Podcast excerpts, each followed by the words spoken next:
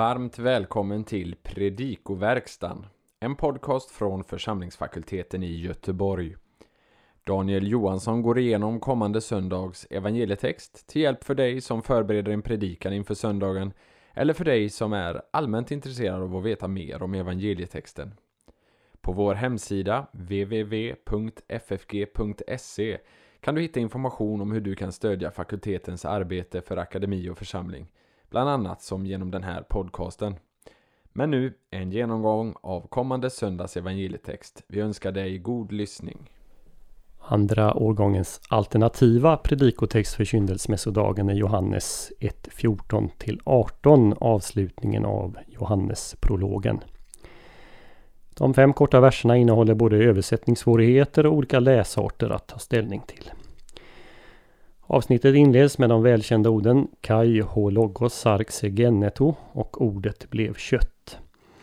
Bibel 2000 väljer att översätta sarx med människa, vilket ju i väsentligen fångar upp vad det handlar om, men likväl inte tillräckligt understryker det Johannes vill ha sagt, nämligen att ordet blev verklig människa, av kött och blod, inte bara uppträdde under mänsklig gestalt. Ordets människoblivande uttrycks här på järvast möjliga sätt. Ett sätt som torde varit chockerande för människor präglad av den hellenistiska tidsålderns dualism. Vidare står det Kai eskenosen en hemin ordagrant och ordet tältade, tabernaklade ibland oss. Både Bibel 2000 och Folkbibeln översätter med bodde, vilket gör att läsaren missar anspelningen på Guds närvaro bland Israels folk under ökenvandringen. Betydelsen av monogenos, genitiv singularis av monogenes, är omstridd. Folkbibeln översätter enfödd, Bibel 2000 med ende. Och frågan det handlar om det är om monogenes enbart uttrycker sonens unika ställning, det värde han har, eller också hans generation från fadern inbegrips, det vill säga att han är född. Så som i Nicenum, född av fadern före alltid. I eh, den latinska vulgataöversättningen så står det senare alternativet. Man översätter med unigenitus, eh, inte bara unicus. Ehm, I Lukas evangeliet i kapitel 7, 12, 842 och 938 används det här adjektivet med avseende på en förälders enda barn. Och majoriteten av ställena i den grekiska litteraturen avser också biologiskt ursprung, vilket skulle tala då för enfödd. Å andra sidan använder Hebreerbrevet 11.17 begreppet om Isak trots att Abraham hade fött fler barn. Han var, Isak var unik men inte den ende enfödde. Så resonerar man och Josefus använder för övrigt samma eh, ord, monogenes, när han i den judiska eh, historien eh, eh bok 1, 222 beskriver samma sak, Isak och Abraham. I de här fallen då så tycks snarare sonens unika ställning uttryckas med hjälp av monogenes. Och utifrån det här så eh, menar rätt många att vi ska översätta doxan hos monogenos parapatros eh, på följande sätt. En härlighet så som den endes från fadern. Eh, så står det till exempel i de flesta moderna engelska översättningar. Andra är inte helt övertygade och hänvisar eh, bland annat till första Johannesbrevet 5.18 eh, och också till prepositionen para som används här, para patros.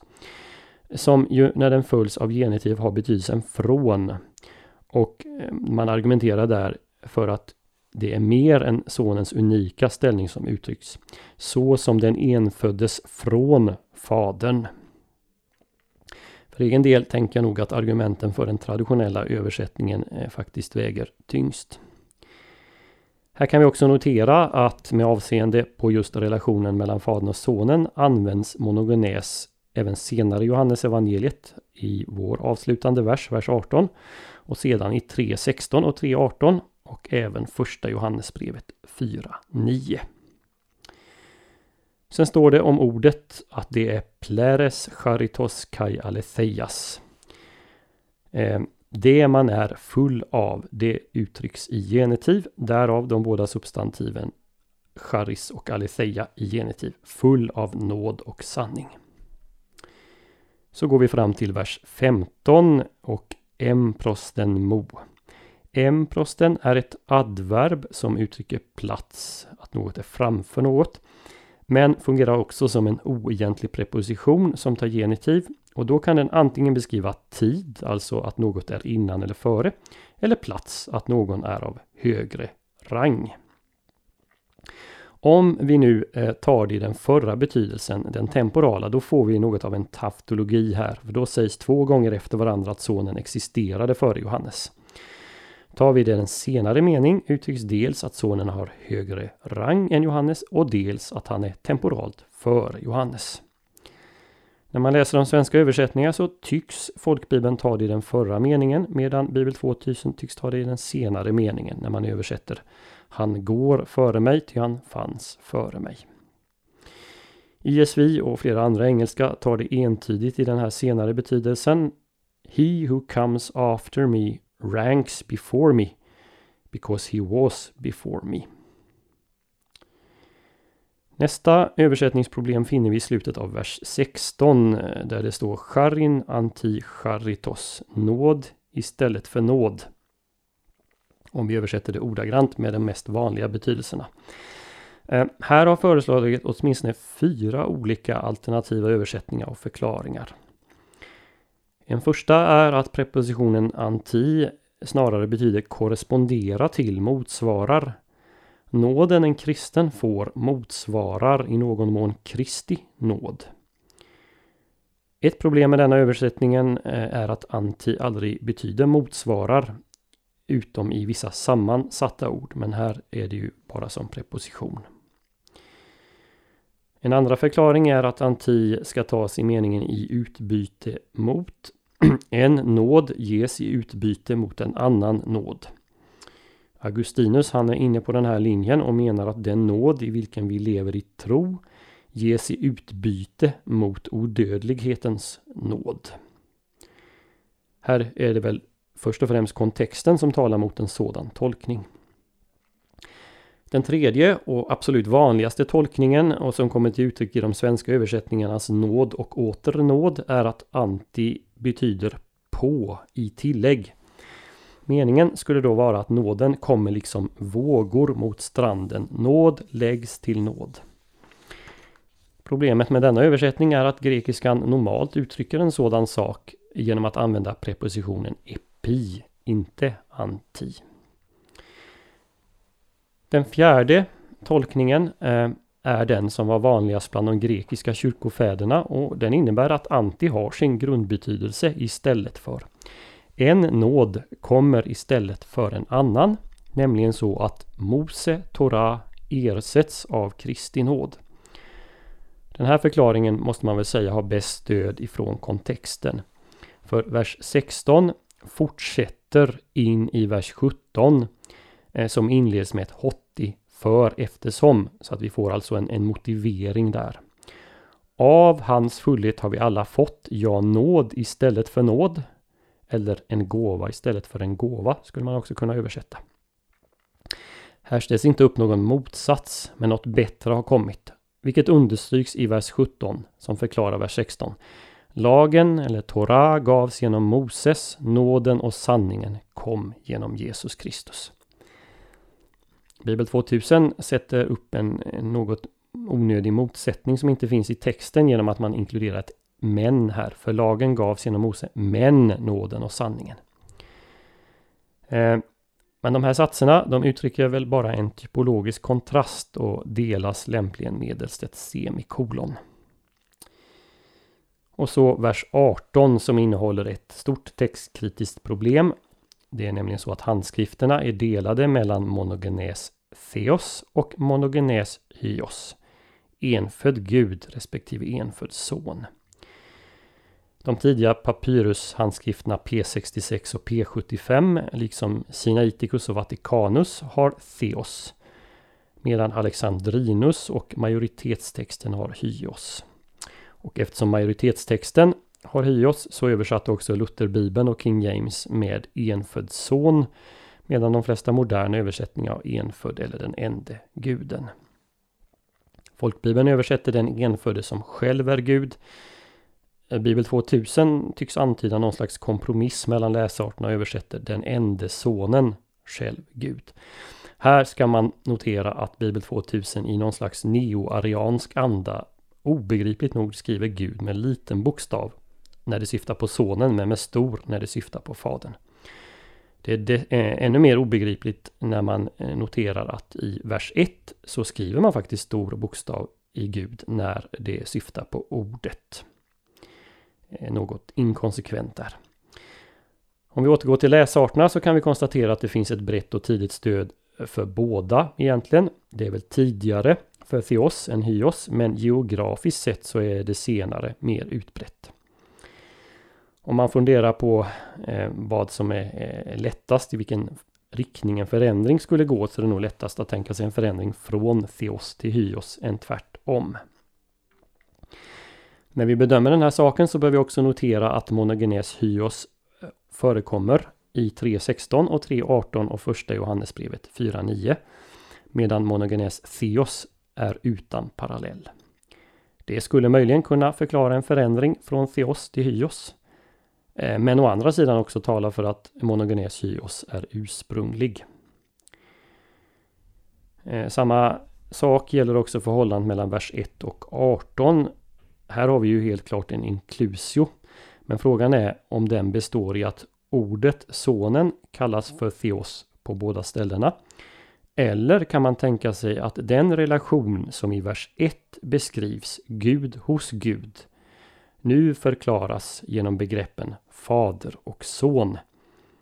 Eh, fadersbegreppet dyker upp för första gången här i vers 18. Om vi nu väljer läsarten som står tryckt i nästlalan, nämligen monogenesios, så står vi också inför ett översättningsproblem.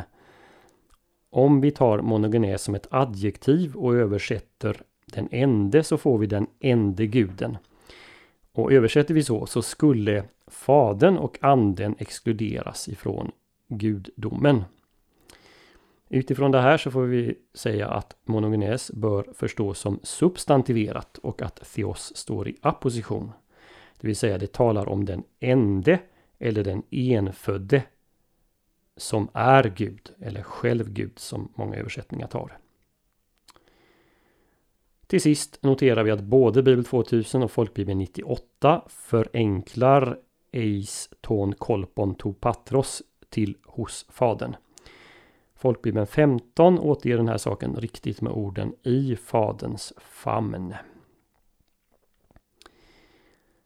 Avsnittet utgör som sagt den tredje och avslutande delen av Johannesprologen. Begreppet monogenes omramar ett avsnitt som innehåller en, ska vi säga, parentetisk utsaga, nämligen vers 15.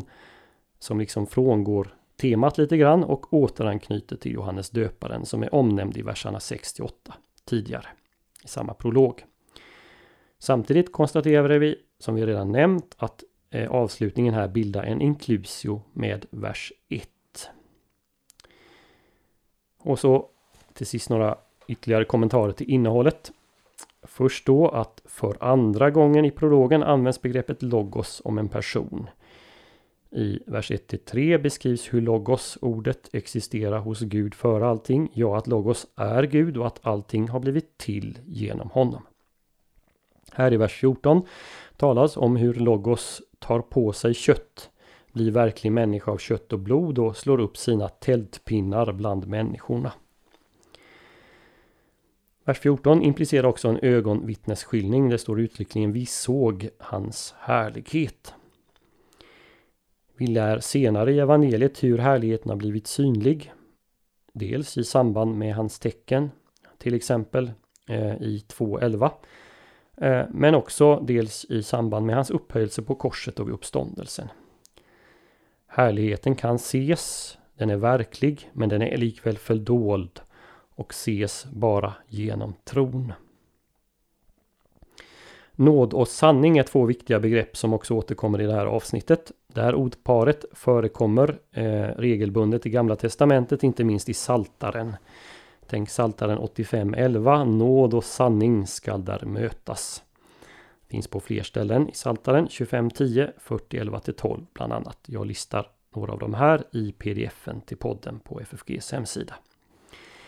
Just här så verkar det dock ändå så att det är andra Mosebok 33 och 34 som står i blickfånget och då särskilt eh, 34.6. Vi återkommer strax till det. Vers 15 kan som sagt i det här avsnittet, avsnittet betraktas som en parentes i vilken det återknyts till Johannes döparen.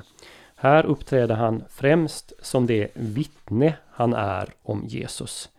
Om Jesus som både har högre rang än Johannes och som existerade före Johannes. Trots att Johannes uppträdde offentligt före Jesus. I antikt tänkande var det nämligen så att den som kom före oftast var att betrakta som den främste. Vers 16 till 17 återknyter till Exodus-temat i vers 14. Kontrasten mellan Mose Tora och nåden och sanningen som kom i Jesus är inte en lag evangelium-kontrast alla den hos Paulus utan snarare kontrasten mellan förebilden och uppfyllelsen. Mose, Torah, uppenbarade också nåden. För hur kan den annat om Herren själv utropar att han är en Gud barmhärtig och nådig, sen till vrede och stor i nåd och sanning som det står i Andra Moseboken 34.6. Men nu har uppfyllelsen det fullkomliga kommit i och genom Kristus. Och han uppenbarar inte bara vad nåd och sanning är, utan han är själv nåden, gåvan och sanningen.